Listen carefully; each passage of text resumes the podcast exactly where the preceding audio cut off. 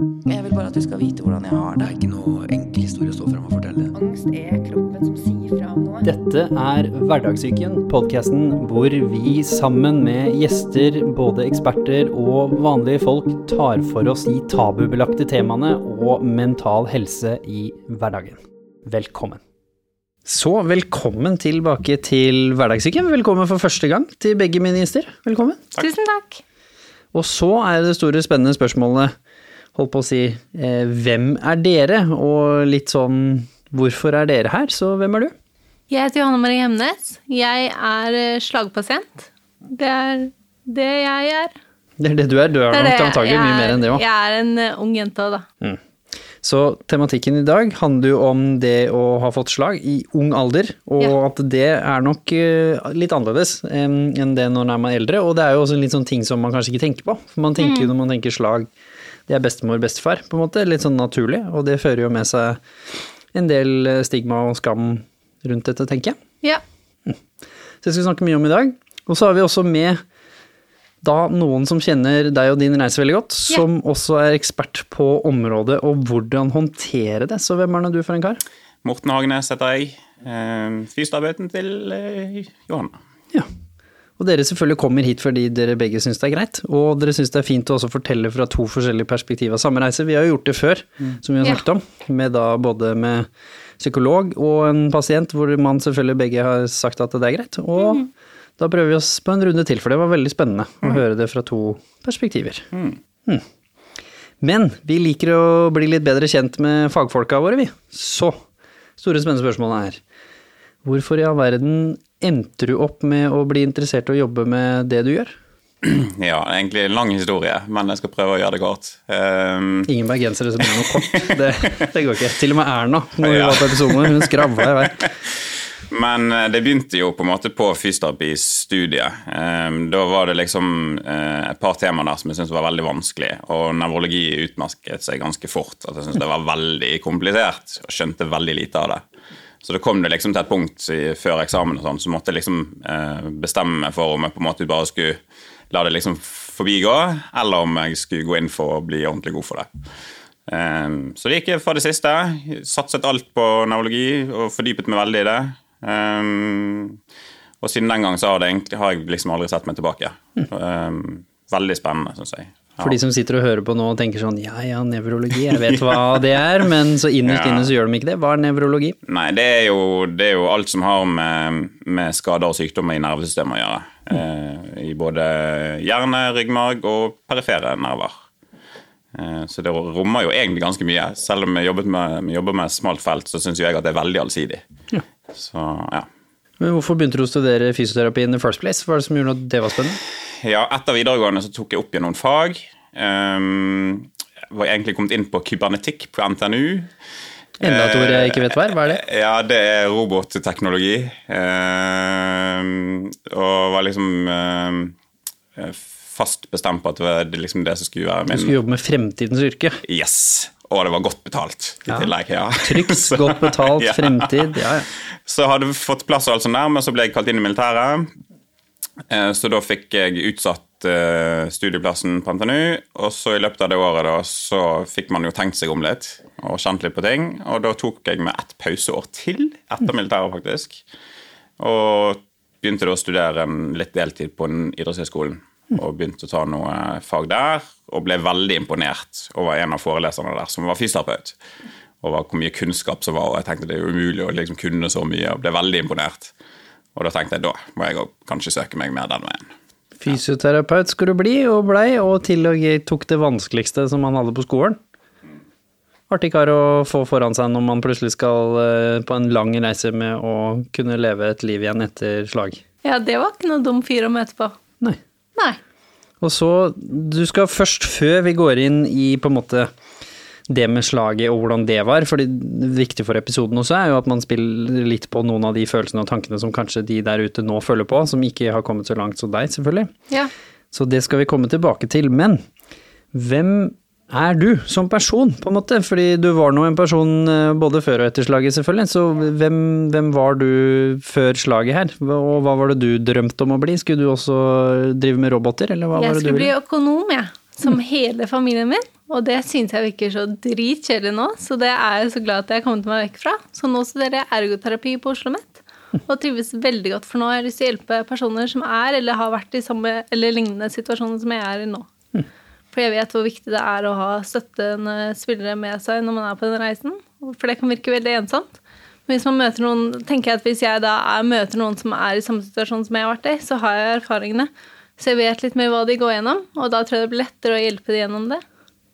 Det skal nok stemme. Hvis du da forteller oss litt eh, reisen din, da. Så Ja. mm, hvis du forteller hvem var du rett før slaget? på en måte? Hva var drømmene og tankene da, og hvordan så du på livet da som en ung person? Nei, jeg var jo 18 år da, akkurat fylt 18 år og gledet meg litt til russetiden da, selvfølgelig, som alle andre 18-åringer. Men eh, den ble jo utsatt, og jeg var klar for å finne på noe annet å gjøre, og bare komme meg gjennom egentlig ferdig med videregående. Så jeg er veldig fornøyd med å være ferdig med det, for det var ganske tungt å ta rett etter et slag og ta, fullføre videregående, men det fikk jeg til Ja. med lang tid. Ja, og hvis du tar, måte, tar oss litt mer tilbake til, til selve slagbiten, så tar vi det sånn kronologisk, for vi skal jo liksom prøve å komme inn i din reise også. Ja. Så kan du fortelle litt, eh, hvis du begynner først på rett etter at det har skjedd. Du våkner, du skjønner ikke helt hva som har skjedd, du bare kaster opp. Det er jo ubehagelig nok i seg sjøl, regner jeg med. ja. Hva er de deilig. første tankene som går gjennom huet ditt når du våkner? Jeg tenkte egentlig bare hva skal jeg gjøre nå? Hvordan skal jeg komme meg videre i livet etter det? Jeg er lam, jeg har det skikkelig ræva. Hva skal jeg gjøre for å komme meg videre nå? Så det er det første jeg husker, så det er ikke veldig hyggelig minne. Nei? Men så når jeg kommer litt til meg selv, da, jeg hadde jo mamma og pappa der hele tiden heldigvis, og de hjalp meg veldig mye, men jeg husker veldig godt at de sa det skulle komme noen fra Sunnaas, der hvor rehabiliteringssykehuset kom og skulle besøke meg der, for de ville vurdere om jeg skulle ligge på slagavdelingen eller eh, barneavdelingen. Og jeg husker så godt jeg tenkte Slag? Hvorfor skal jeg ligge på slagavdelingen? Jeg er jo ikke en 70 år gammel mann. Jeg har jo hatt en hjerneblødning. Jeg har ikke hatt noe slag, jeg. Det husker jeg syntes var veldig rart, for jeg ante ikke hva slag var. Som de fleste av oss. Som de fleste 18-åringer, eller eldre. Så det husker jeg syntes var veldig rart. At jeg skjønte ikke helt hva det var som hadde skjedd med meg, egentlig. Og hva vil du skrive som kanskje den tøffeste perioden fra det sykehuset, da? Før du ble flytta videre? Altså, jeg husker at jeg var jo så Og så kunne jeg ikke snakke. Det tror jeg var vanskeligste, at jeg klarte ikke å kommunisere med noen, for jeg hadde lammelse på stemmebåndet. Så Det jeg klarte- Det var ganske ekkelt, ja. Så jeg klarte ikke å kommunisere i det hele tatt. Den eneste som skjønte hva jeg skrev, for jeg kunne jo skrive fortsatt, for jeg hadde, har jo høyrehånden min, det var mamma. Så hvis mamma ikke var der, jeg skulle prøve å kommunisere med bare sykepleierne, så funket ikke det så bra. Så jeg husker, eller jeg husker ikke, jeg ble fortalt da jeg lå på Rikshospitalet. Så hadde jeg en sykepleier der som vi var egentlig i en samtale, men vi var jo ikke en samtale, for jeg kunne ikke snakke. Og så bare gikk hun. Og da ble jeg jo veldig irritert, og så klarte jeg ikke å si noe, så jeg tok en høyttaler jeg hadde der, og så kastet jeg den på henne. For å få oppmerksomheten hennes da, og det funket jo. Men jeg tror hun ble litt sjokkert, og mamma og pappa lo godt da hun fortalte det til de. Og, men husker du da på en måte Hvordan er følelsen av det å ikke klare å kommunisere? Jeg husker det var veldig irriterende, men eh, det gikk jo fint. Jeg klarte også å skrive på telefonen etter hvert, og da var det lettere, for da var det ikke så mye skrivefeil. For når man skriver for hånd med én hånd, og man ligger i en seng, så er det ikke så lett å skrive noe forståelig. Men jeg klarte å gjøre meg forstått nok til at eh, de fleste skjønte hva jeg ville. Ja. Og så blir du flytta. Ble det barneavdelingen eller slagavdelingen? Det ble slagavdelingen, så jeg lå der i tre måneder. Og i det som, jeg kan også si at da jeg lå på Rikshospitalet, så møtte jeg på en Jeg tror hun var psykiater. Og da ble jeg satt på antidepressiv. Så jeg sto jo på det kjempelenge. Jeg vet ikke helt hvorfor, men jeg tror kanskje det er noe alle slagpasienter blir satt på med en gang. Fordi bare for forebyggende. Så jeg gikk jo på det kjempelenge. Det kan jo være at det var det som gjorde at jeg klarte å holde en så positiv innstilling òg, men eh, det vet jeg ikke. Men eh, det gikk jeg på veldig lenge. Men det er jo for så vidt ganske vanlig at man er litt sånn actionorientert i starten, Ja. men, men allikevel så har man jo sånne tankerunder med seg selv hvor man har tøffe øyeblikk. Så Mm. hva var på en måte de tøffe følelsene som du husker fra starten før du kom til Sunnaas? Hva, hva er det man tenker når man er 18 år og plutselig klarer ikke å snakke, klarer Ja. ikke å gå, og så ligger du der og vet ingenting om fremtiden? Nei, det er jo Altså, det er vanskelig å beskrive. Man tenker bare 'hvordan skal jeg komme meg videre i livet nå'? Skal jeg bare gi opp, eller skal jeg gi, alt jeg har nå? Så da måtte jeg ta et valg, da. Og da tenkte jeg at når jeg kommer til Sunnaas, da skal jeg bare trene som jeg kan. Men eh, det var jo ikke en lett avgjørelse å ta, akkurat. Man har jo litt lyst til å gi opp, men eh, det sa mamma og pappa at det er helt uaktuelt. Jeg skal videre i livet. Men hva var de følelsene på en måte som lå der før, eh, før man kommer til at man velger? Ah, Jeg tror bare at alt var mørkt. Man eh, vet ikke helt hva man skal gjøre. Jeg husker ikke hva jeg tenkte, men jeg vet jo at jeg var jo ganske nedfor. Men eh, Husker du noen av følelsene, da? Det er litt sånn følelsene, var, fordi vi er jo alle forskjellige, så det er jo forskjellige ting vi savner. For meg så var det fotballen som jeg savna. Det er jo gjerne representert i noe litt sånn corny, som er Ja. litt sånn for deg. Så hvilke ting var det du følte du nå mangla, gikk glipp av, kanskje var redd for å aldri kunne gjøre igjen? danse. Jeg var Altså, jeg danset ikke profesjonelt, men jeg elsket å danse og elsker musikk. Så da jeg lå, både lå i koma og da jeg lå på Ullevål, så hadde jeg musikk på hele tiden. Da hadde akkurat Ed Sheeran sitt album kommet ut, så det var på repeat. Så det hater tror jeg alle sykepleierne på Ullevål. De hater det Divided-albumet, for det gikk på konstant. Og det hjalp meg ekstremt mye. Musikken har vært noe av det viktigste for meg. Så da var det det du var redd for å Ja. ikke kunne gjøre igjen? Dante. Mm. Det er jo noe jeg ikke kan så godt enda heller. Men eh, man kan gjøre mye sittende òg. Absolutt. Og så ehm, var det jo, som du sier, nytt sykehus. Ja. Skummelt. Hvorfor, hvorfor var det skummelt? Kan du beskrive det igjen? Når man trenger hjelp med alt. Selv det å gå på do, dusje, spise. Jeg fikk jo bare sondemat, så jeg trengte hjelp, og noen måtte være der hver gang jeg fikk mat. Det er ikke så kult når man ikke kjenner noen. Så det syns jeg var kjempeskummelt. Men heldigvis så jobber det mange unge sykepleiere på, nei, på Sunnaas som jeg fikk veldig god kontakt med veldig fort. Og det hjalp meg veldig mye. Hvordan føles det å være såpass hjelpeløs, da? Du er jo 18, du var jo i ferd med å bli voksen. Ja. Du går jo inn i den fasen hvor du egentlig ikke skal trenge hjelp, i hvert fall i ditt eget hue, Ja. på en måte. Nei, det gikk jo veldig tilbake, da. Så jeg, ligg, altså, jeg lå jo bak ved alle venninnene mine. Det var litt vanskelig å se de liksom flytte ut, alle begynte å studere den, eller etter den sommeren. Dro ut og studerte, eller dro i militæret. Men så satt jeg enten på sykehuset eller hjemme da i en rullestol og kunne ikke gå engang. Hvordan føltes det? Det var veldig tungt. Men eh, jeg kom meg gjennom det. Og så skal man jo da inn i en ganske heavy trening. Ja. Så det er nå lett å si at man skal gjøre det, men eh, jeg har vært med på å måtte trene tre ganger om dagen, jeg. Det, var, Ja. det gjorde jeg for så vidt før det òg, men eh, det var mer da fordi jeg hadde lyst. ja. Men det fordi du må, og så gjør man jo gjerne ganske møkkaøvelser. Så jeg husker jo som en som var litt sånn toppidrettstype person, går tilbake og skal plutselig begynne å løfte meg opp på ett bein, og så prøve å holde igjen. Det høres helt dustete ut. Det er jo sånn øvelse som du føler en 95-åring gjør, på en måte. Og jeg regner med du også plutselig måtte ha en del øvelser som er sånn Det var vel ikke akkurat det du så for deg å trene på? Nei, altså det jeg syns var mest slitsomt, og fortsatt syns er noe av det mest slitsomme, er bare å stå. Så da jeg lå på Ullevål, så jeg, ble jeg bare reist opp i sånn ståbord, hvor jeg ble lagt ned først, og så tok de ståbordet oppover. oppover. Men da hadde jeg ligget så lenge at eh, da fikk de ikke meg høyere enn Altså, de fikk meg ikke helt i stående før jeg ble dritsvimmel, og de måtte ta meg ned igjen. Man starter jo faktisk fra helt fra bunnen. Jeg hadde ikke nakkemuskler etter å ha ligget i koma i tre uker, så jeg måtte jo trene på å holde hodet mitt selv. Det er jo ikke noe en 18-åring trenger å øve på, men eh, det er så langt tilbake jeg kom. Hvordan føles det da, når du er så langt unna? Da begynner du Dansen er langt frem da. Da er det en lang vei tilbake til der man var, men eh, man må jo trene, da. Og det er motiverende å se fremgang. Det som er på starten, med en gang man klarer noe, så blir man jo så motivert når man får til hva som helst. Liten sånn fagkommentar fra siden, fordi det er kanskje mange som ikke tenker på at i starten så er man nok litt sånn fascinerende positiv. Mange, det tror jeg er ganske vanlig, fordi man er veldig sånn løsningsorientert. Ja. øh, Fordi man er jo litt i sjokk fortsatt.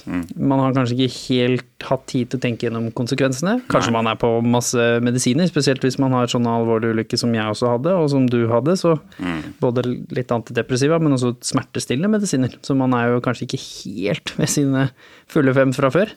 Nei, og mange som har hatt slag, eh, mister jo sin kritiske sans. Så veldig mange blir jo ukritisk til egen prestasjon, og kanskje òg veldig sånn eh, ukritisk til eh, fremtiden.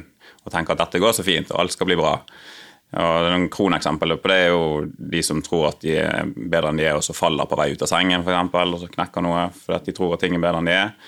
Eller som eh, eh, overvurderer eh, egne prestasjoner i forhold til andre ting. F.eks. at plutselig så finner de ikke frem et sted.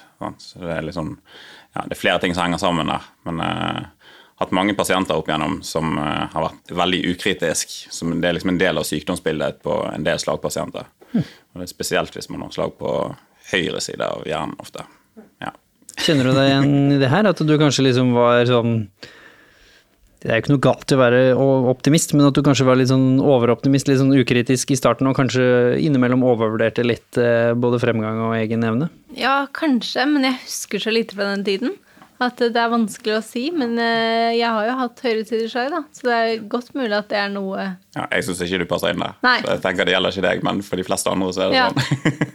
Ja, så det er jo mange som står i de tingene der. Mm. Og så, så er det dette med trening, da. Å trene på veldig sånn banale ting. Der er det jo Det er jo ikke det at de fleste av oss ikke får det til, men det er jo det å ha viljen og lysten til å skal gidde da å trene f.eks. å flytte på hodet. Altså liksom, det er jo så langt unna det vi har holdt på med som voksne, da, hvis vi får et slag i ung voksen alder. Så hvordan hvordan er det du møter det bildet der? Hva er det du vanligvis ser? Hvor man begynner, på en måte. Ja, eller hva slags type motstand, hva slags utfordringer har folk når de kommer til deg i starten, da, og kanskje ikke helt uh, er medvillig på treninga ennå? Eh, ja, jeg jobber jo på en måte i privat praksis eh, på Oppsalklinikken her i Oslo, og, ser jo de fleste pasientene um, Når det har gått en stund, så ser de jo ikke helt akutt. Og de fleste har jo liksom ferdigbehandlet eh, akutt og medisinsk og har vært gjennom gjerne kanskje én rehab, kanskje to, før jeg ser dem. Så det var jo faktisk gått ett år fra slaget til Johanna før jeg så henne for første gang. Eh, og det var jo pga. at du var jo i koma ganske lenge. Eh, og, så det, og da går man jo glipp av litt opptreningstid, på en måte, kan man jo si. Så, så det var jo en ganske sånn lang reise, egentlig. Og det, det skjedde jo ganske mye før jeg så, så Johanne. Hva var det du så, da? Når du Eh, så ja, nei, da så jeg en veldig ung jente med veldig kort hår. som eh, kom i rullestol eh, og ble dyttet av sin mor. Og smilte fra øre til øre. Litt sånn som Smileyen i starten av episoden her. Mye finere enn det. Ja, mye det. Litt skjevere enn det òg. Ja, det var ikke så mye smil på venstre side. Nei. Hva er det du tenker da, som behandler, når du liksom ser en 18-19-åring? Altså, Ja. Det må jo være tøft for deg å se? Ja? Eh, tja, jeg ser jo mye av det, dessverre. Så jeg har en litt sånn spesiell jobb i og med at det bor mye folk i Oslo, og jeg må prioritere ganske tøft i forhold til hvem jeg tar inn og ikke. Så blir det jo ofte de med unge, unge med veldig alvorlige skader på en måte jeg bruker min tid på.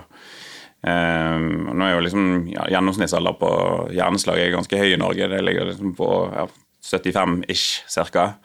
Og så kommer det en 18 18-åring Eller var det blitt 19? Nei, var det blitt 19 da? Jeg var Ja, det blitt blitt 19. 18, ja, akkurat blitt 19. Akkurat blitt 19, ja. Så inn døren. Så, så er det klart at det er jo eh, ganske spesielt. Eh, Men de aller fleste slagpasientene hos meg er under 40. Så de som går hos meg, er ikke sånn helt representativ for resten av befolkningen i Norge. Nei. Og så kommer du da videre inn i Sunnaas, og du sakte, men sikkert begynner å ta stegene videre. Er det sånn underveis her, hva, hva er på en måte de tøffe litt sånn tilbakefallsstundene man får? Fordi når man liksom er så veldig lenge i opplæring og opptrening, så er du jo sidestilt fra venninner og alle andre, som du sier. Du ser jo liksom livet til alle andre passere forbi, og så sitter jo du stuck der, da. Selv om du har fremgang og man prøver å være så positiv man kan, så er det jo fortsatt moments her som ikke er gøy. Ja, det er veldig kjedelig å se de alle fullfører videregående, begynner å dra ut og studere og dra i militæret, mens jeg sitter der, da. Hjemme i rullestol og får ikke til så veldig mye. Det var litt kjedelig. Men eh, som sagt, venninnene mine er de beste, så det var ikke sånn det var noe problem å kommunisere med de. På, heldigvis har vi sosiale medier som gjør ting veldig mye lettere. Og så var på en måte Husker du var det du savna mest der? Var det liksom noen sånne ting du så som var litt ekstra kjedelig å gå glipp av? tror kanskje at alle flyttet ut var veldig kjedelig å se. For jeg hadde jo en plan om å dra til Trondheim, da, studere økonomi der. Men så ble det jo ikke det i det hele tatt. Jeg bor jo fortsatt hjemme. Og da, hvordan føltes det da, når du så at de flytta ut? Altså, jeg er en positiv person, så jeg var bare glad for å se at de fikk gjøre det de ville. Og at eh, jeg kunne jo klare meg fint hjemme, jeg. Men eh, det er jo selvfølgelig kjedelig å se det. Ja, fordi det er jo gjerne forbundet med sånne konkrete ting som man savner når man, når man står i disse tingene. Så de kanskje tøffe øyeblikkene kommer jo gjerne forbundet med sånne konkrete ting. Og det er jo veldig forskjellig fra person til person, men for meg så var det jo knyttet til alt som hadde med fysisk aktivitet å gjøre, som minte meg om noe jeg var glad i før. Deg så var det flytte ut, det var jo å regne med russetiden, fullføre Ja. liksom alle de tingene som, som skjedde, som er sånne markeringer i en sånn veldig sårbar eh, alder, da, for det skjer jo så mye. Når man er Ja. ferdig med videregående, begynner på høyere utdanning, flytte ut kanskje for første gang, så si det er liksom voldsomme blokker som flytter seg i de bare to åra ish, som mange står der, da. Vi er jo liksom i startgropen av livet på et vis. Du liksom skal stå liksom klar til å ta sats. Ja. Så det er jo det er en veldig sånn sårbar eh, periode egentlig for veldig mange. Ja. Og så eh, kommer du da gjennom det første året. ja. Hvor er du da, sånn i forhold til eh, ferdighetsmessig? Fordi som du sa, der du starter, så ligger du i senga, klarer ikke å snakke, klarer ikke å bevege deg. Hvor har du kommet nå etter et år? Et år, da satt jeg faktisk i rullestolen. Jeg kunne gå, men ikke langt og ikke helt selvstendig. Jeg gikk enten med krykke eller holdt i en eh, ledsager. Men eh, jeg var på vei til å begynne å klare å gå. Men jeg, som sagt, da jeg var hos Morten første gang, så kom jeg inn i rullestol, som mamma trillet. Fordi jeg var ikke noe glad i trillen. Det er ikke så lett å trille i rullestol med én hånd og ett ben. Det er ikke så lett å komme seg over lister og sånn da, så da var det mamma som trillet meg. Så hvor begynner man da? Vi begynte veldig eh, enkelt med å Eller hva si enkelt, men det var ikke så enkelt. Men med å klare å reise seg opp og stå med god vekt på venstre bein, på en måte. Det var vårt første prosjekt. Ja. For det at eh, 90% av alt som skjedde i kroppen, det var på høyre side. Skjedde veldig lite på venstre siden. Så der begynte vi. Veldig eh, Ja, veldig strukturert, på en måte, i forhold til det. Eh, og så var det veldig mye spastisitet i venstre legg spesielt, som gjorde at det var vanskelig å få foten ned på gulvet i det hele tatt. Så hver gang Johanne prøvde å reise seg opp, så gikk den opp på tå. Så da var Det er vanskelig å legge god vekt på et bein som bare har tåballene i gulvet. Så det var iherdig jobbing i forhold til å få den hele ned i gulvet når hun skulle opp og stå. Kan ikke du forklare oss litt hva er det som foregår her? Altså fra et sånn fagperspektiv også, fordi Ja. Det er nok mange som tenker de vet hva slag er, men så vet de ikke hva slag er. Så Nei. hva er det som hadde skjedd med henne? Ja, altså eh, Som vi innledet litt med, så er jo nevrologi er veldig komplisert. Og hjernen er veldig komplisert. Og vi tror jo at vi forstår kanskje 10% av hjernens funksjon. så det er jo klart at med det som utgangspunkt så er det jo, er det jo vanskelig å si ting med sikkerhet. Men man har jo mange forklaringsmodeller, og man tror kan, man har noen sånne hypoteser man kan jobbe ut ifra. da. Eh, Men det man eh, på en måte antar at eh, foregår her, er at det, det, er, det er vansker med viljestyrt aktivitet. Det er vansker å fortelle eller sende signaler fra hjernen i forhold og ned til beinet da, for eksempel, om hvilke muskler som skal ta i, og hvilke muskler som skal slappe av. Eh, og det vi ser ofte når det er gått en tid etter slaget, altså akutt etter slag, så ser man kanskje at alt er av. altså Lite kontakt, det er slappe lammelser. Hva som skjer med slaget in the first place? Hva, hva er slag? Ja, det, det er jo en eh, tilstand i hjernen som gjør at du får for lite oksygen pga. en propp eller en blødning. Eh, og 85% av alle som får hjerneslag, skyldes en, en blodpropp i hjernen. Eh, og så er det 15 cirka, Så får en blødning, som var det Johanne hadde. Og da får du ikke oksygen, og da bryter den av, basically. Da begynner hjernecellene å dø. Eh, og da kan man få permanente skader i hjernen pga. det. Og da er det jo også litt sånn innlysende kanskje her, at jo lenger den er der med mangel på oksygen, jo flere celler dør, jo større skade. Ja, og jo større fare for at du dør. Ja. For ca. en tredjedel av de som får hjerneslag, eh, er med dødelig utfall. Og det er jo gjerne også kanskje connecta med at det er veldig høy alder på forslag. Absolutt. Ja. Og så, som du sier, da bryteren blir på igjen, og hvis vi skal kalle det det på en måte, litt tid etter slag, så begynner man da å se ok, hvilke skader er igjen her. Mm. Og så med fysiske skader, brekker en arm, mm. muskelskade, seneskade, så gror ting relativt kjapt. Ja, og mye skjer sånn helt av seg sjøl. Du trenger ikke gjøre så mye engang. Det er bare å fikse seg sjøl. Men sånn er det jo ikke her, nei. Men her har du jo egentlig en frisk kropp. Sant? Musklene fungerer som de skal, knoklene fungerer som de skal. De tåler egentlig ganske mye belastning. Så, men det er jo øh, sikringsboksen på en måte som er problemet. Altså, hjernen gjør ikke den jobben den skal gjøre. Eller gjør for mye. Eller gjør ting feil. Eller, ja. Så det er mangel liksom på den Det er akkurat som styringsbryteren ikke funker hit. Nei, du må liksom starte å bygge opp eh, hele, hele huset på nytt igjen, på et vis. Ja. Mm. Det husker jeg var det verste fra min skade. Jeg knuste jo en skive i ryggen som gjorde at jeg kutta store deler av nervene til høyre beinet, så uten sammenligning for øvrig. Men, så det var mitt bein som var problemet. Det fungerte ikke. Så med noe som sier muskelen funka, beinet var det ikke noe gærent med. Hjernen fungerte. Men hjernen fungerte, og ja, men jeg, det skjedde ikke det jeg ville skulle skje. Mm. Som var forferdelig frustrerende, fordi jeg kunne fint være positiv til alle mulige andre skader, for det hadde jeg hatt før. Mm. Så lenge jeg føler at antall timer jeg putter, innsats jeg putter, det jeg vil skal skje, skjer, så kan jeg tåle ganske mye. Men det som var frustrerende for meg, var at den forbaskede foten gjorde jo ikke det jeg ville. Det er veldig irriterende. Ja. Så hvordan var det, når du liksom, som han sier da, kroppen din var jo frisk, men, eller på en måte tilsynelatende, men Ja. den gjør ikke det du vil den skal gjøre. Hjernen min hadde ikke noen signaler å sende. Da var det ikke så mye jeg kan gjøre med det. Men da begynte jeg opptreningen, da. Hvordan føltes det? Husker du den frustrasjonen? Jeg husker bare jeg var så irritert. At det ikke det gikk an å gjøre noen ting. Men eh, hva kan man gjøre, da? Man kan bli litt lei seg, da, men det hjelper jo ikke så mye, det. Nei, men man blir fortsatt lei seg, og fortsatt man irritert. Man gjør dessverre det. Ja, Husker du et, noen øyeblikk som var ekstra frustrerende, hvor du skulle gjøre en øvelse og kanskje hadde en dårlig dag og det ikke gikk, eller? Jeg husker en av de første dagene mine på Sunnaas, hvor jeg skulle trene for første gang med fysioen. Så skulle jeg bare stå i et ståbord. Da hadde jeg støtte på alle kanter, så jeg hadde balansen til å stå, men jeg skulle bare stå. Så hadde jeg stått i ca. tre minutter, og så får jeg blodtrykksfall. Hvor jeg bare blir supersvimmel og ned med en gang, og så kaster jeg opp litt, og så eh, må vi avslutte den treningsøkten, da. Så da blir det ikke mer trening den dagen. Og det er irriterende. Når man er klar for å trene, og så bare sier kroppen nei, det her funker ikke. Føler deg ikke kul da? Da føler man seg ikke veldig kul, nei. Nei. Og kanskje ikke føler seg så flink heller? Nei. Nei.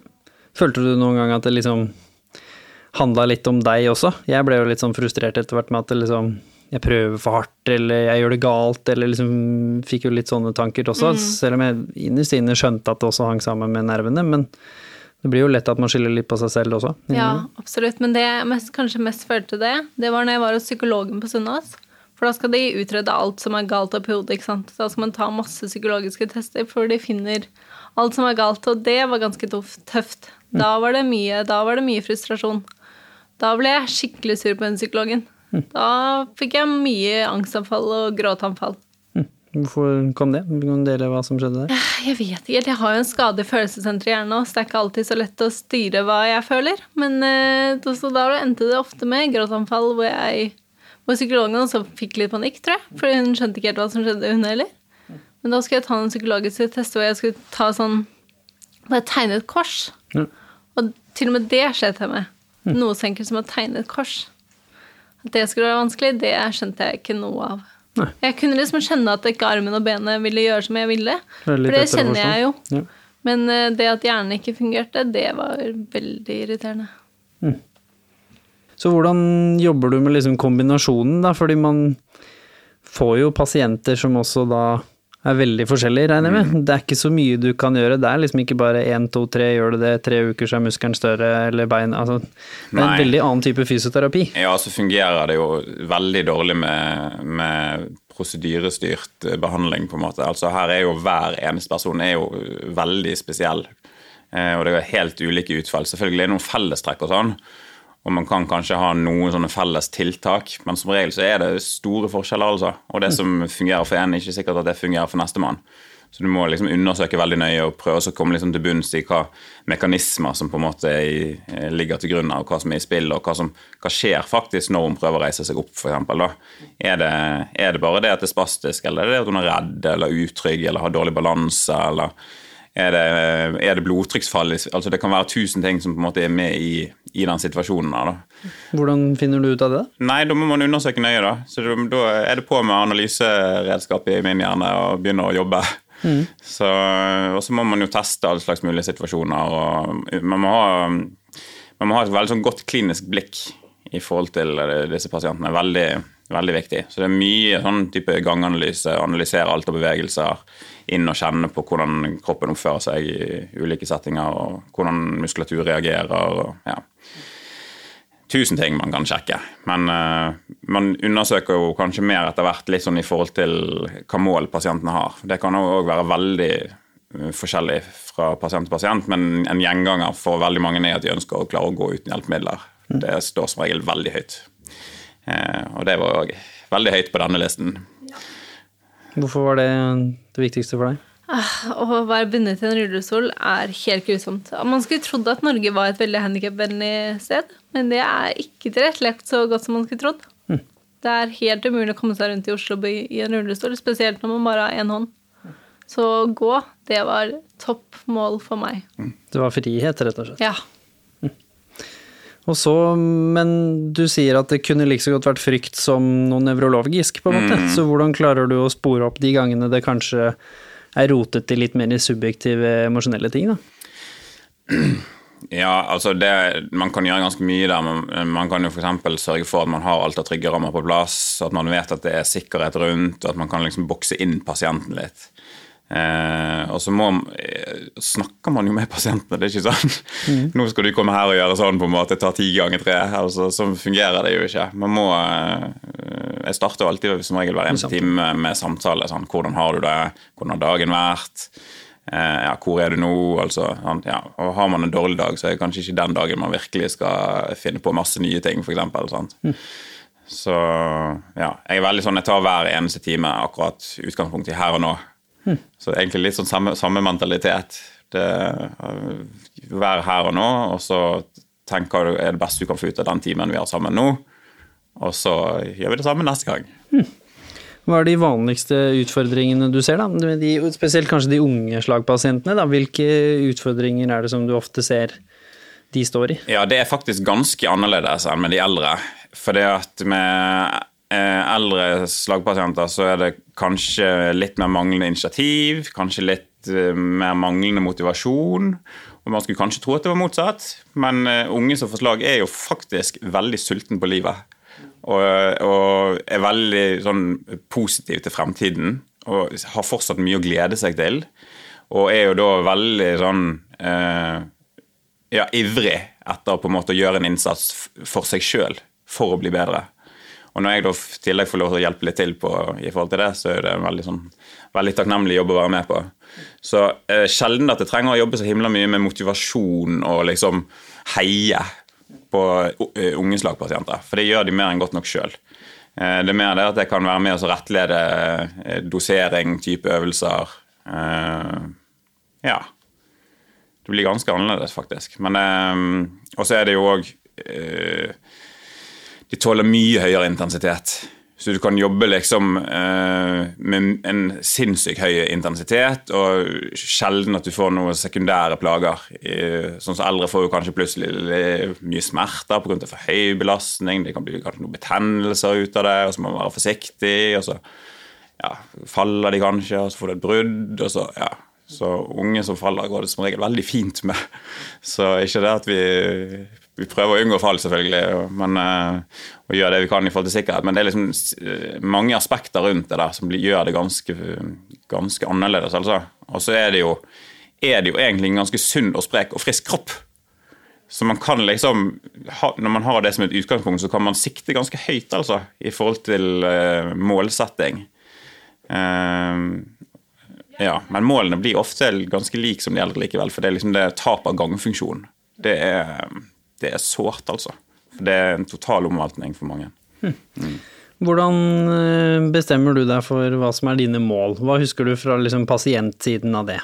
Altså, på Sunnaas så har man sånne teammøter, da. Hvor man setter mål med både ergoterapeut, fysioterapeut, psykolog, logoped hadde jeg også, for jeg kunne verken spise eller snakke. Så det var mye logopedtrening jeg trengte. Og da var fysioterapeutmålet det var å gå. Så det var det jeg satt høyest på det målet. Ergoterapi, så var det bare å klare ting selvstendig. Jeg har jo ikke fått tilbake så mye funksjon i armen, så det er jo ikke noe jeg har satset på, egentlig. Så egentlig er det bare å leve med denne skaden jeg har fått, det var det viktigste for meg å klare å få til. Mm. Å kunne gå, da. Ja. Og så hvordan legger man da delmålene her? Fordi dette er jo visjonen, hvis vi skal kalle det det.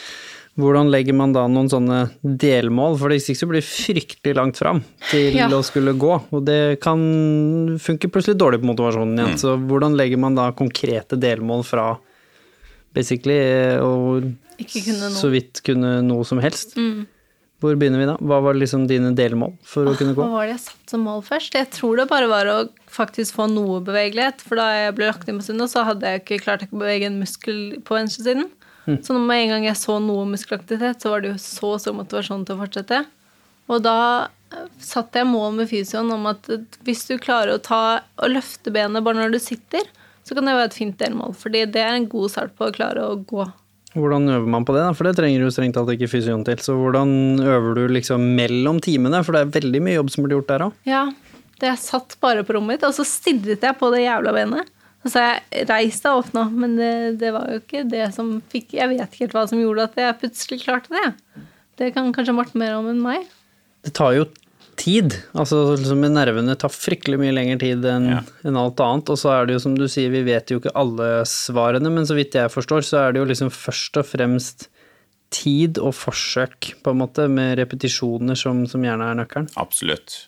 Jeg pleier å si at eh, fra du begynner på en bevegelse til han sitter, så må du ha ca. 6000 repetisjoner eller noe i snitt. Så det er ganske mye.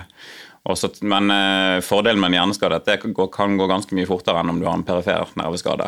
Ja. Så fordi at eh, du har ganske mange eh, nettverk i hjernen som du kan utnytte på en litt annen måte. Så da får du kanskje signalene til å gå en, en omvei eller tre, og så finner du den veien til det du prøver å få til etter hvert. Men det som skjer da, er at kanskje bevegelsen blir treigere, svakere, mer ukoordinert, mindre presis. Kanskje du tar mer i enn du hadde tenkt å gjøre. Så det er en ganske sånn eh, voldsom eh, koordineringsprosess som på en måte kommer i etterkant av at du kanskje har fått kontakt eller fått til noe. Ja. Så du får kontakt. Ja. Ja, bevegelse. Etter eh, mange, mange timer med trening. Månedsvis. Månedsvis. Og så kommer da neste biten. Ja. Da skal jeg begynne å bruke det jeg har trent på. Mm. Da begynte jeg å gå, da. Satt som mål å klare å gå ti meter uten å måtte ha en pause. Får jeg til det, så var det neste mål å klare å gå ti meter med bare en krykke uten pause. Så fikk jeg til det. Men da var jeg egentlig, når jeg fikk til det, så ble jeg skrevet ut fra Sunnaas, og da var det ikke så mye mer fysio å få før jeg ble lagt inn på Jeløya etter det. For det også er jo litt sånn typiske historier. Vi har nå sånn sett et godt system i Norge, og Sunnaas og andre steder er jo gode eksempler på ting som gjerne får eh, mye skryt, sånn sett. Det er jo sikkert noen som er misfornøyd med det òg, men det er veldig mange som i hvert fall føler at det er godt der, med mye ting rundt. Ja. Men man får jo ikke lov å være der for alltid. Så man blir jo kasta ut, holdt jeg på å si, på et eller annet tidspunkt, så, så må jo noen andre bli prioritert for plassen. Og da står man gjerne litt sånn tilbake til seg selv. Ja, og den overgangen er ganske tøff for mange. Og jeg syns at den overgangen blir bare mer og mer brutal. Så øh, det ser man jo at etter at den samhandlingsreformen kom for ganske lenge siden nå, så har jo pasientene blitt kastet ut fra sykehusene bare fortere og fortere. Og det er liksom kommunehelsetjenesten som skal ta over. Eh, og den overgangen der er jo ikke akkurat alltid like smidig. Eh, mange historier om det. Men, eh, men eh, det er jo der at veldig mange eh, pasienter føler at den tøffeste jobben begynner. For da har de liksom vært inne på en avdeling med masse folk rundt, passet godt på, og så er det liksom plutselig liksom tilbake til hverdagen på et vis, men med et helt annet utgangspunkt enn tidligere. For det er jo supertrygt på Sunnaas. Yes. Altså, det er jo kjempedeilig. Du blir passet på fra dag til morgen. Som du sier, du har et lite team. Man har sånn teammøte. Det høres jo nesten for godt ut til å være sant. Ja, det er helt fantastisk hvordan det funker. Men så, hva Men så- skjedde med deg når du dro derfra? Da dro jeg rett på ferie. Da, gikk jeg, da kunne jeg gå et par meter da, med støtte. Og det var jo en veldig stor befrielse. Så jeg prøvde jo å gå så mye jeg kunne den sommeren. Men det var ikke så lett, for jeg var, dro rett opp en øde øy oppe i Bodø, på hytta mi. Måtte bruke båt for å komme noe som helst sted, og komme inn og ut av den båten. Det tok lang tid. Men jeg fikk hjelp, da. Og det var jo veldig motiverende å klare å se at jeg klarte å leve et liv utenfor Sunnaas også. Det var litt første testen. Ja, og det var jo ikke en lett test. Å gå på en øde øy der hvor det ikke er noe biler eller transport. Da fikk jeg låne en sånn eh, bil, en sånn scooter som alle gamle mennesker kjører rundt på. Det kjørte jeg rundt på på den øde øyen, for da var det Grandonkelen min han hadde en ekstra sånn, så fikk jeg låne den. Og det var jo veldig deilig å se at jeg klarte å leve et annet sted enn bare på en institusjon. Det ga veldig mye motivasjon. Men hva skjedde når du forsto nå da at du ikke har det nettverket rundt deg når du var ferdig på ferie? Ferie er jo alltid gøy, på en måte. Ferie er alltid gøy, men da heldigvis så hadde jo Sunnaas ordnet en fysioterapeut til meg da jeg kom hjem òg, som var en ung jente som drev og tok en mastergrad i nevrologi i Tromsø, men som jobbet på Apex-klinikken her i Oslo. Så jeg fikk komme til henne ganske rett etter jeg kom hjem, da. Og pluss at jeg gikk jo på skolen, så jeg hadde jo mye å holde på med. Men kjente du da noe på, som man sier, en, en av de tøffere utfordringene begynner jo gjerne for folk når de ikke har det store nettverket rundt seg. Det er fint med fysio, men det er jo gjerne da kanskje to-tre ganger i uka, da, hvis du er heldig. Det Ja. For de fleste så er det jo enda færre. Ja, nei, jeg måtte jo trene selv, da, men det ble jo mye ikke-trening òg, for da var jeg jo ikke så frisk at jeg bare kunne gå ut og gå meg en tur. Det hadde jeg jo aldri turt, så det var jo mye sitte inne hjemme alene. Og hvordan var det? Det var litt tøft, fordi alle, det var jo ingen av vennene mine omtrent som var i Oslo. Alle hadde jo enten var i militæret eller flytta. Og jeg satt der alene, da. Hadde bare mamma og pappa. Men man blir litt lei av de òg, selv om de er fantastiske. Så liker man jo ungdommer når man er 18 år selv. Hva var det du var redd for? For du sa du, du hadde ikke turt å gå ut. Hva Nei, var du var redd for? jeg var redd for å falle, da. Det er jeg jo fortsatt. Ikke noe glad i å gå steder jeg kan falle og ikke klare For jeg kommer meg ikke opp selv hvis jeg faller. Hm. Da må det være noen som kommer og hjelper meg opp fra bakken, og det er jo ikke så kult hvis man er ute og går alene, at man plutselig faller og blir liggende der, da. På ingen måte. Nei. Så da ble du litt sånn fanget i hjemmet, rett og slett, i da noen var jeg uker og måneder. mye hjemme. Og du var jo egentlig kanskje ikke helt den typen, virka det som? Før. Nei, jeg likte jo å være ute og holde på med ting. Men det ble jo Men jeg tror kanskje etter en sånn skade så er man mye sliten. Man, altså jeg har jo fortsatt fatigue, selv om det har blitt mye bedre nå. Så var det sånn at jeg orket ikke å drive med så mye. Jeg orket egentlig nesten bare å være én time på fysio, så var den dagen ferdig, holdt på å si. Ja, så det var sånn cirka du hadde en time pluss til overskudd Ja. hver dag. Var ikke mye som ble gjort da. Hvor eh, vanlig vanlig er dette her, på en måte? Og for det er jo også enda et ledd. Fatigue. Ja, det er jo veldig vanlig. Og eh, i veldig varierende grad. Jeg syns jo at eh, Johanne ikke har hatt så mye av det eh, som kanskje veldig mange andre har. Men det tror jeg òg henger mye sammen med alder, altså. Så jeg opplever at mange av de unge har, er, har ikke så mye problemer med det, altså. Så da får man jo ofte et større vindu på en måte til å, å få gjort ting. Eh, både i forhold til aktivitet hjemme, men òg i forhold til eh, fysioterapi. Så men jeg tror kanskje en del av de tingene der du fikk testet mest det der, var vel kanskje i forhold til fagene på skolen og sånn. Ja. At det var der du kanskje kjente mest på, på den biten. Ja, det var tøft. Men heldigvis hadde jeg jo hatt hele det første halvåret på skolen hadde jeg jo hatt det en gang før. Ja, for du begynte Også- på nytt igjen. Ja, jeg begynte på nytt med kull under meg. Og jeg, så jeg hadde jo hatt hele første halvåret før og husket jo en del av, for jeg tok jo bare fag jeg syntes var morsomme. Startet med de litt kjedelige fagene, men jeg husket jo veldig mye av det jeg hadde hatt allerede. Og jeg kjente jo alle lærerne, og de kjente jo til min situasjon, så det var jo mye lettere for de å tilrettelegge for å hjelpe meg best mulig. Men eh, det var ekstremt tungt. Det var sånn én dag på skolen, og da tok jeg bare halve dag på skolen til og med. Mm. Så var det rett hjem og legge seg i senga hvis jeg ikke hadde en fysiotime. Og så begynner man å ha dette opp på toppen når man skal jobbe med deg, da. Mm. Så du kommer jo til fysio, men det er jo ikke det eneste som skjer i livet. Nei, må jeg bare en liten bit av det. Ja. Jeg pleier jo å si at det viktigste som skjer, er jo det som ikke skjer hos meg. på en måte. Det er jo det som skjer mellom timene.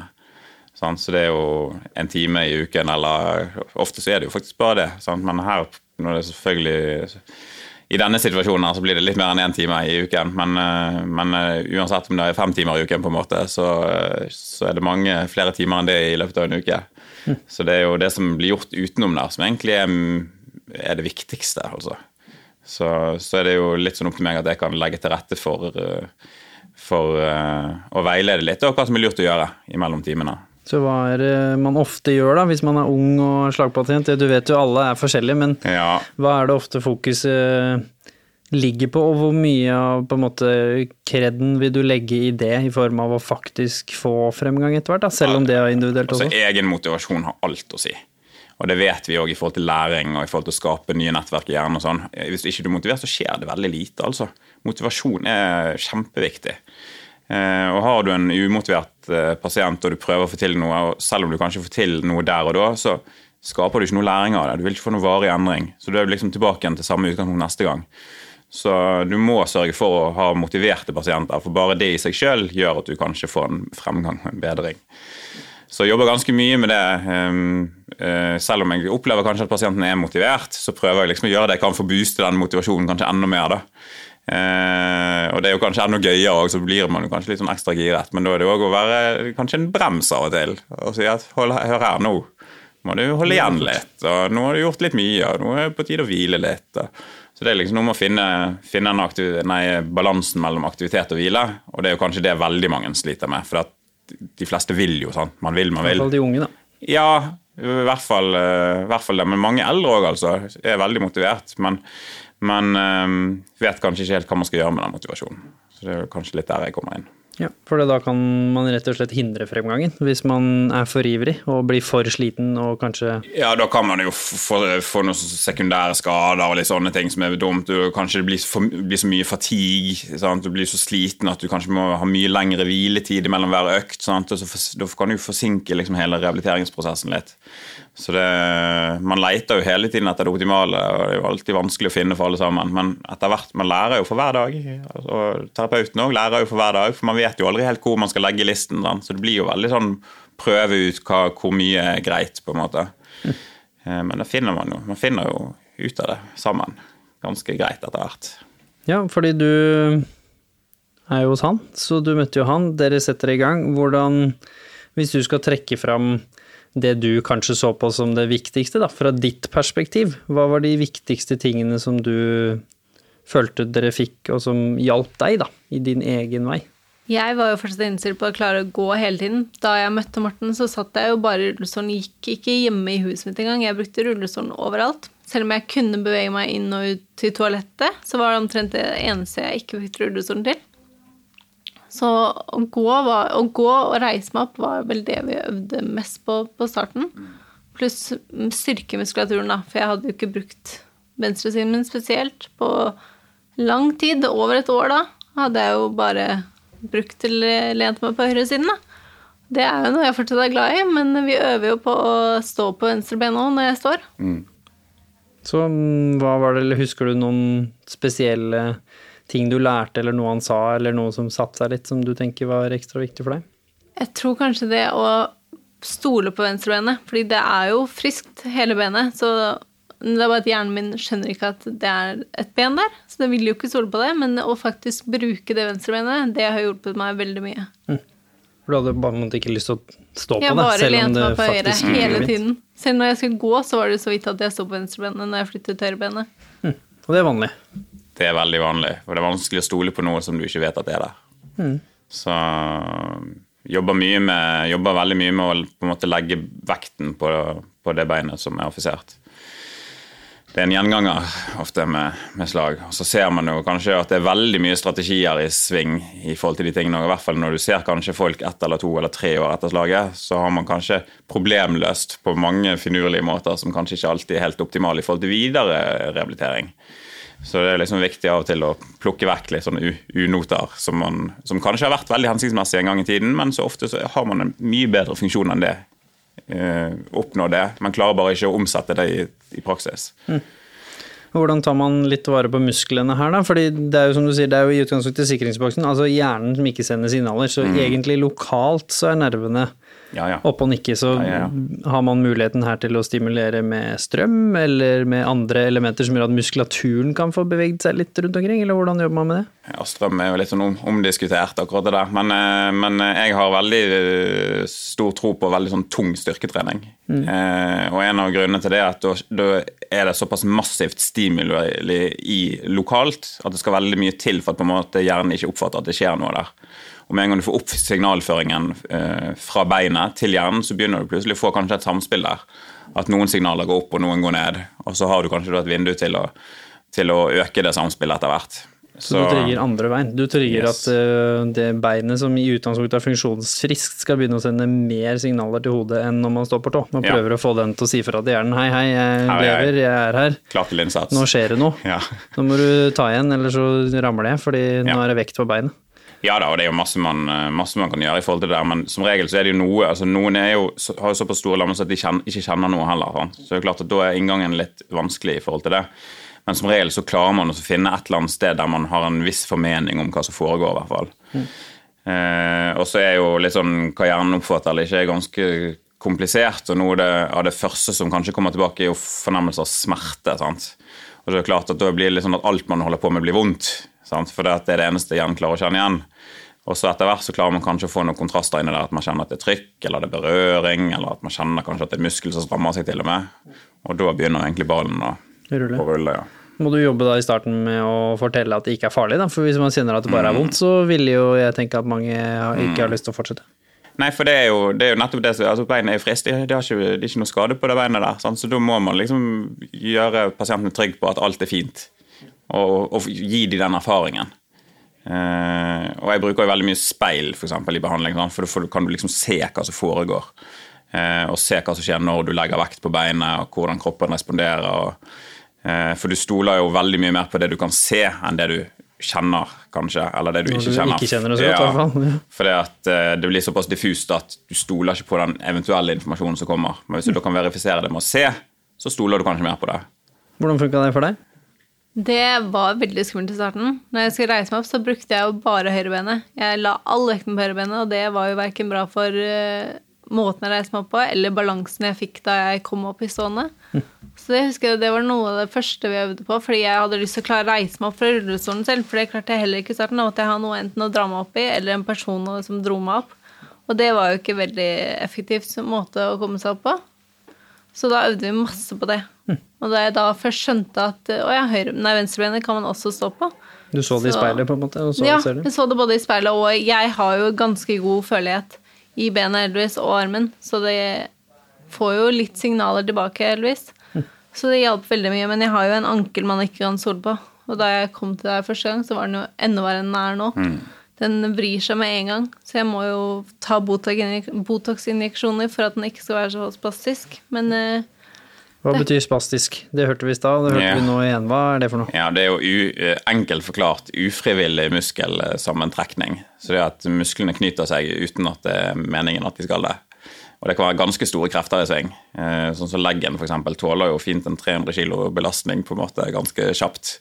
Uten at det er noe problem. Og det er klart at Hvis jeg da skal prøve med mine hender å løse opp i det, så det, får jeg ikke det til. så, så da må man ha litt hjelp av Botox for eksempel, som man kan sette, som lammer muskulaturen litt, får ned spenningen. Eh, Eller skinner kan man òg bruke, gjerne i kombinasjon, kanskje.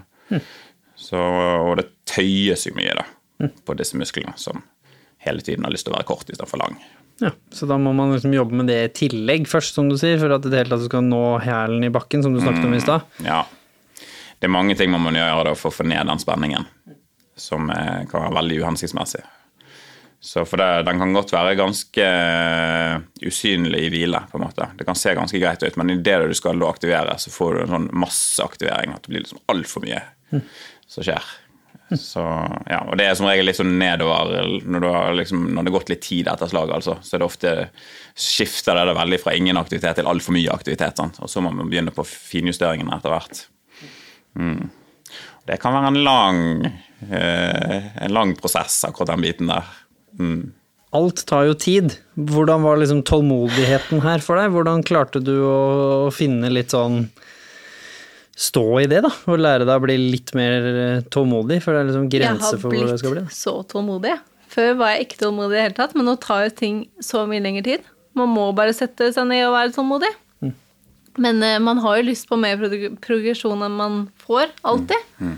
Men uh, det er noe man bare må lære seg å bli vant til. Bli glad for all den progresjonen man har i det hele tatt. Husker du noen av de liksom største momentsene dine, hvor det skjer noe? Fordi de er jo litt viktige, de der småseierne, for det kan være langt mellom de. Hvor du liksom når en av delmålene, eller et eller annet. Husker du en av de, og hvordan det føltes? Jeg husker veldig godt første gang jeg beveget på venstrebenet i stående posisjon. Da var jeg på Sunnaas, så skulle, måtte jeg få hjelp til å komme på toalettet. Så en sykepleier kom inn og hjalp meg. Jeg gikk med sånn turner, heter det. Det er sånn man reiser seg opp, og så bare vrir man rundt. Og så plutselig bare flyttet jeg på venstrebenet. Det var ikke sånn viljestyrt egentlig, men det var jo det. Men eh, det var ikke sånn jeg prøvde å gjøre det. Og så så jeg hun sykepleieren, vi så på hverandre og bare beveget jeg nettopp det benet, og vi begynte å gråte begge to og sto der inne på badet og Nei, det var helt ekstremt. Så dagen etter så sa jeg det til fysioen. Han trodde først ikke på meg. Men så gikk jeg opp i den gangbaren, da, og så klarte jeg å gå et skritt. Men han måtte holde på benet mitt, da, fordi det er så ustøtt pga. de spasmene. da. Men det, er, altså, det var verdt hele reisen jeg har vært på, føler jeg. Når man først får den ene progresjonen som man bare har ventet på så utrolig lenge. Det gjør det mye lettere å jobbe videre. For det er noe med det der å se det selv òg, som han sa. Selv om han Altså, du kan jo si til pasienten liksom her er vanlig prognose, du kommer til å klare å gå igjen, det ser jeg med alle mine, liksom, bla, bla, bla. Men du må jo se noe selv. Du må se noe fremgang. Og det er de ingen som turte hjelper. å si noe til meg 'du kommer til å gå igjen'. Det var det jo ingen som sa. Selv om kanskje mange tenkte det, så turte de ikke å si det til meg i tilfelle det ikke skjedde. Så jeg hadde jo aldri hørt 'du kommer til å gå igjen'. Så når det da endelig gikk, så var det jo helt Altså, det var så surrealistisk. Det var det beste som noen gang har skjedd. Og da husker man det til å orke det. enda mer trening. Ja. Og når ting begynner da å løsne opp litt i spenningene, man begynner ok, hva er liksom neste nivå da? Løsne opp i spenningene, få litt aktivering igjen. Mm. Er det koordinasjon, eller hva kommer nå? Ja, da er det jo på en måte å få såpass eh, god kontroll på det venstre beinet at det holder deg når du skal flytte høyre frem, på en måte. Som er jo en viktig del i forhold til det å gå. Eh, og hvis man ikke får den biten på plass, så må man jo ha et støttepunkt når man går. Sant? Så derfor må jo man kanskje ha en krykke eller en stokk eller noe. Eh, og det kan være veldig mange momenter i det. Det kan være at det er for lite styrke, sant? så du ikke har nok styrke til å holde. Det kan være at du kjenner så dårlig at det kollapser. og Det kan være at det er for spastisk, altså for mye spenning som gjør at du kanskje dytter det bakover. Så når du har tenkt å gå frem, så plutselig blir du dyttet bakover og mister balansen. Og kan falle. Og kan falle, ja. Kjempeskummelt. Så mange eh, momenter. Her var det jo eh, veldig mye krefter i den leggen. Så vi jobbet jo veldig mye med å få foten ned, og få foten til å bli der når høyrefoten skulle frem. Så det var liksom neste kapittel, egentlig. Og så er det jo veldig stor forskjell på å gjøre det med støtte og uten støtte. Og med en gang du tar vekk den støtten, så får du veldig sånn økt aktivering igjen. På grunn av at kanskje kommer noe redsel og frykt og utrygghet inn. Fyringen går opp, opp på tå igjen. Sant? Der forsvant den hælen. Så ja, så der var vi en stund på en måte før vi kunne bevege oss videre fra det. Ja, man sier en stund, man sier lenge her, men hva snakker man om? De som sitter hjemme nå, liksom, Ja. hva er det det er snakk om hvis du bruker henne som et eksempel? Da? Hva Ja. gikk det fra de forskjellige fasene her, hvis du tar første fase til å det hele tatt eh, på en måte få stått? Ja, et par måneder per fase, egentlig. Ja. cirka. Og så må man av og til litt sånn tilbake igjen til de kapitlene man trodde man var ferdig med. For når man da har satt ting sammen, så skal liksom alt inn i samme bok, på en måte. Så, så man jobber jo veldig mye med ting man egentlig føler at det klarer man, men det setter man inn kanskje i en større setting etter hvert. Sånn. Så man begynner jo kanskje med å gjøre det i veldig kontrollerte omgivelser. Og, sånn som f.eks. på en klinikk, og så er det jo selvfølgelig helt noe annet når man skal ut i bybildet, eksempel. Så det er jo veldig Ja, så det er liksom noe med å hele tiden kreve noe mer kanskje, i kanskje helt andre settinger og kanskje flere ting samtidig. Eh, og legger du på litt sånn at du skal ha noen sånn kognitive utfordringer på toppen kanskje mens du skal utføre, sånn, så begynner man jo kanskje å nærme seg eh, sånn som det er i det virkelige liv. da. Eh, det er jo ganske komplisert egentlig å gå. Hvordan trente du på det når du da, som man sier, plutselig skal kanskje gå litt da når du begynner å bli bedre? Nå går det greit inne på klinikken, og det er trygt der, kanskje du går litt hjemme i stua, men nå skal du kanskje ut i et, eh, altså et bilde hvor det er litt forstyrrende elementer. Da. Man begynner jo ikke rett i byen sikkert, men eh, i gata si eller noe hvor det kanskje er en bil, det er en sykkel, det er en nabobikkje. Altså, hvordan, tar man den, hvordan øver man på det? Jeg syns det var kjempeskummelt, så jeg satt i rullestolen kanskje mye lenger enn jeg kunne ha gjort. For jeg turte ikke å gå ute. Men jeg begynte med å gå inne på skolen. For da kjente jeg jo alle, og de visste jo at jeg var litt ustø, så de gikk jo ikke bort og tullet med meg når jeg sto, men så gikk jeg alltid med en krykke. Det var veldig trygt å ha ett fast punkt jeg kunne støtte meg til og lene vekten på når jeg skulle ha all vekten på venstre øyne. Og så hvordan jobba du med å prøve å, å holdt å si, la krykka være? Selv om man er der som en sikkerhet? Hva var det jeg gjorde da? Jeg tror jeg bare prøvde først litt. Jeg syntes det var trygt å gjøre det hos Morten. For da visste jeg at hvis det var noe som gikk galt, så var han der til å fange meg. Men eh, jeg syntes det var kjempeskummelt å prøve på det. Men man må jo bare bite det sure eplet, da, og prøve. Og så går det jo galt noen ganger. Jeg har jo falt et par ganger, men jeg har jo aldri skadet meg. Så jeg tror det er litt tryggere når man først bare har gjort det et par ganger. Så ser man at det her er kanskje ikke så skummelt som man skal ha det til. Og hvor mange ganger i uka ish var hun hos deg? var vel rundt tre, var Ja. det? Stort sett. Ja, Så vi hadde tre timer sammen i uken. Og hvor mye jobber du da ish hver dag med dette her? Hva er det du, hvis du liksom sånn cirka tall skal ta på, hvor mange timer brukte du på dette her eh, i tillegg? Mange. Men det var jo ikke sånn intensiv trening som jeg hadde hos Morten. da. Det var bare gå rundt hjemme, kanskje gå ned til postkassa da, og opp igjen. Og så Det var mest gåing. Men jeg var jo skiten, som sagt. Jeg gikk jo på skolen, hadde ikke så mye energi til å drive med andre ting. Så det var mest det jeg gjorde hos Morten, og så prøvde jeg å gå mest mulig når jeg var hjemme. Hvordan hjelper du til med aktivitetene hjemme? Hva sier du liksom, sånn som i gamle dager, jeg fikk treningsprogram på et A4-ark, liksom, eller hvordan er det det foregår i dag? jeg tror kanskje ikke vi har vært innom det, men jeg pleier som regel å gi noen lekser mellom hver økt. Og Spesielt hvis jeg ser på en måte at her har vi klart å få til noe, så tenker jeg ok, da er det om å gjøre, å gjøre å sørge for at hun har bevart det til neste time. For da kan vi liksom ta det videre, at ikke vi begynner liksom på nytt igjen. Så med en gang vi klarer å se liksom, oh, her er det mer aktivitet, eller her klarer du noe du ikke har klart før, så prøver jeg å gi en oppgave der man på en måte får ivaretatt det frem til neste time. Har du noen eksempler på det som ble brukt her hos henne? Ja, det er jo for eksempel, Hvis hun nå klarer å reise seg opp med hælen i gulvet hos meg, så er det, ja, men da skal du gjøre det da mange ganger hver dag frem til neste time. Sånn, sørg for at den sitter. Eh, sånn at vi ikke må begynne å øve det igjen neste gang. Og så, til slutt, men ikke minst, holdt jeg på å si, er det noe som du ser som var kanskje ekstra nyttig i kommunikasjonen med Morten? På, som du følte kanskje var ekstra bra? Fordi du har jo testa litt behandlere nå, holdt jeg på å si. Ja, jeg tror at jeg og Morten bare Han er jo veldig ungdomslig. At det hjelper at han liksom er på mitt nivå, bare mye smartere og klokere og kan mye mer om temaet. Men at han ser situasjonen jeg er i og vet at jeg har det tøft, og at det er vanskelig for meg. At han da skjønner det, og ikke gir meg oppgaver som er helt umulig å fullføre. Ja, hva er det du tenker var sånn grep som du har brukt, da? Aktivt. Jeg regner med du tenker jo litt på dette her, du òg. Det er viktig hvordan man kommuniserer med pasientene sine. Helt klart. Og det som er veldig viktig, tenker jeg, er at man må jo sørge for at man har eh, en god kjemi med pasientene. og Jeg er veldig sånn opptatt av at man eh, på en måte at man inngår en slags allianse. da, At man har et sånn felles prosjekt. Altså det it's you and me, på en måte. Det er ikke ditt prosjekt, liksom. Nei, det er veldig viktig. og Man klarer jo kanskje ikke det med alle pasienter. Da tenker det er viktig å anerkjenne det, så kan ikke henvise videre. Så kan man prøve med noen andre. Så den kjemien er ganske viktig. Prøve å få den på plass. Og får man på plass den alliansen, så har man ganske stor, stor spillerom, i forhold til å prøve og feile. Og jeg følte nå at det gikk seg til ganske kjapt, den biten der. Um, og så ser man jo eh, pasienten ganske sånn fort an. Og eh, Johanna jeg har jo vært veldig sånn glad i å tulle og fjase litt. Så det er jo klart at når man da alltid har en, eh, en sånn positiv tone, og alt er ganske lystbetont, og selv om jeg da gir de verste oppgavene, som egentlig er helt pyton, på en måte, for eksempel, så tar du det med et smil, og er, vi ler og tuller, og gjør det lystbetont likevel. Sant? Det er veldig viktig. Og det er òg kjempeviktig i forhold til læring. Sant? Med en gang det er lystbetont aktivitet, så lærer man mye fortere. Mye større sjanse for at man faktisk klarer det, enn å si ja, nei, nå skal vi, nå skal, må, vi må gjøre dette, på en måte. Stakkars deg. Dette må vi gjøre. Da, altså, man får ikke noe ut av en sånn setting. Så det er noe med å selge inn liksom, litt de tiltakene man, man prøver seg på å selge det inn veldig bra. da. Og være veldig sånn støttende, motiverende og positiv mm. for å få det til. Støttende og positiv og motiverende, det trenger man jo rundt seg. Så hvem er det som har vært eh, viktigst for deg, og har du et, et eksempel eller to fra hvordan de hjalp deg med å være rundt deg?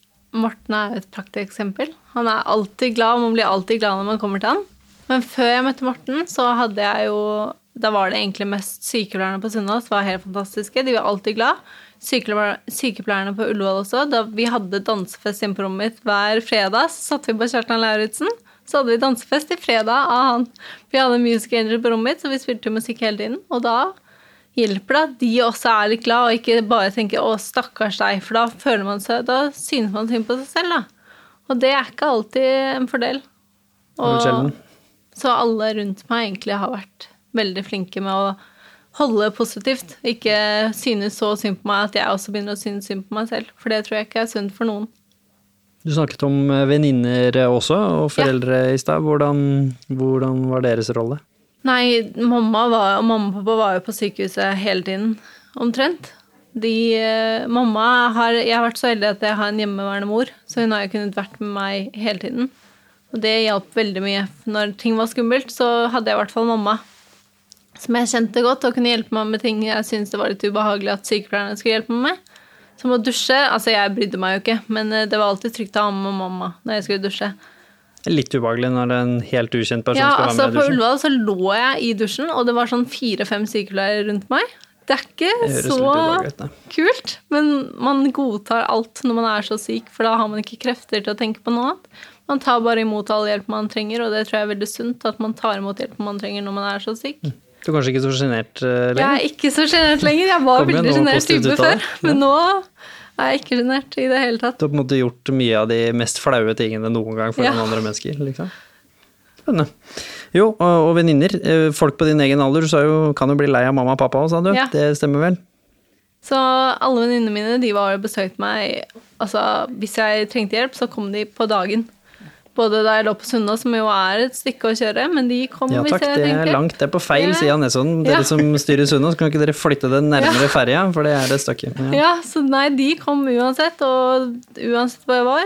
Bortsett fra da de var eh, utenbys, da selvfølgelig, men da var, det, var de bare en telefonsamtale inne hvor jeg kunne ringe de og klage litt på Morten. da, Hvis han var eh, dum, så kunne jeg ringe de og klage. Mm. Og det var veldig fint. Du trakk fram sosiale medier som noe positivt. altså Ja. Da regner jeg med det at det er så lett å få tak i folk. Hvorfor, eh, hvorfor var det positivt for deg? Jeg syns det var veldig fint at jeg bare kunne sende de en snap da, hvis det var noe jeg syntes var teit, eller eh, Og så har jeg fått kontakt med mange andre slag på, unge slagpasienter over sosiale medier, og det syns jeg er veldig fint. For da har Altså, venninnene mine er fantastiske, men de har jo ikke opplevd det samme. Så det er veldig fint å kunne diskutere vanskelige ting med folk som har vært i samme situasjon. Hvor viktig tror du det var for deg å ha ved siden av så mange som ikke nødvendigvis forstår, selv om Morten forstår litt, men ikke 100 har ikke hatt det han heller, og det Nei. samme med foreldre og venninner. Jeg tror det har vært veldig viktig å både kunne lese på nettet folk som har opplevd det samme, og si at det kommer til å gå fint. Du kommer til å klare dette. Det er dritt nå, men eh, det er lyset i enden av tunnelen. Så jeg tror det er veldig viktig. Så det har jeg prøvd å være for andre slagpasienter òg nå. Jeg tror det funker ganske bra. Ja, du har jo litt innsikt eh, i det du også. Hvordan, hvordan oppfordrer du til andre ting? Fordi du også har jo forståelse for at fysioterapi er jo ikke det eneste her i verden, så hvordan liksom er du litt sånn rådgiver og deler litt av den erfaringen du har da, til pasienter? Absolutt. Og så er det jo sånn at folk er jo på forskjellige steder og er veldig forskjellige eh, vesener, på en måte, så man må jo vekte sine ord godt i forhold til de tingene der. Eh, men prøver jo selvfølgelig å, å, å tipse litt. Og så i og med at jeg har en del unge hos meg, så kan jeg jo med samtykke da sette de litt i kontakt med hverandre. Så, så hjelper man kanskje litt hverandre der òg. Ja. Smart. Du, eh, til sist, men ikke minst, hvis du skal avslutte med et sånn Hva er det viktigste du har lært på veien som du tenker du kan dele med andre der ute, som står i situasjonen selv, altså andre unge som har fått slag og er et eller annet sted i prosessen og føler kanskje at dette ikke er eh, mulig, da? Da vil jeg bare si at alt er mulig. Du kommer til å klare det, og bare vær positiv. Det er det viktigste jeg kan si. Ta en dag av gangen også, noe jeg er veldig glad i. Fordi det er alt man kan gjøre. Man vet bare hva som er her og nå. Fremtiden kan bringe mye bra og mye dårlig, men eh, akkurat her og nå så lever du og har det bra. Og du, litt sånn til behandlere, da, fordi vi har mange fagfolk som hører på også. Det kan jo være psykologer som møter folk med unge med slag. Det kan være sykepleiere, det kan være leger, men det kan også selvfølgelig være fysioterapeuter. fysioterapeuter. Så av all den erfaringen du har, hva er på en måte de viktigste par tingene du tenker du vil overføre til andre fagfolk der ute? Jeg er veldig sånn forkjemper i forhold til å ufarliggjøre nevrologiens verden litt for folk. For det er mange som tenker liksom, at det er så komplisert og det er så vanskelig og skjønner ikke. Og da blir det fort veldig sånn hands off og vil ikke ta i det og har ikke lyst til å jobbe med. og veldig, sånn, Folk blir veldig sånn skeptiske. Eh, nå tror jeg det er litt sånn i ferd med å snu, for det, det begynner å komme ganske mye kunnskap rundt eh, rehabilitering for nevrologiske pasienter. Så man, med en gang man på en måte skjønner at mye av den kunnskapen man har fra før, eh, gjelder også for nevrologiske pasienter, så tenker jeg at da er mye gjort. Og så tenker jeg det handler om å være litt uredd, få på plass en god allianse med pasienten, og da har du liksom eh, grunnlaget for å kunne prøve og feile litt. Eh, og så eh, tørre. Bruk stol på deg sjøl. bruk det du har av kunnskap til å, til å eh, gi deg ut på disse pasientene òg. Til pårørende, hva, for du har jo hatt noen pårørende nå. Hva, hva slags råd og tips vil du gi til de hvis noen sitter og hører på nå og selv er i sirkelen til en som har fått slag og som er ung? Altså, jeg synes for å være positiv, hjelpe de gjennom det, men eh, ta alt med et smil. Det hjelper alltid. Det er mitt motto her i livet. Ta alt med et smil. Smile through the pain er mitt og Morten sitt motto. Når ting er dritt, så hjelper det faktisk å tynge på seg et smil.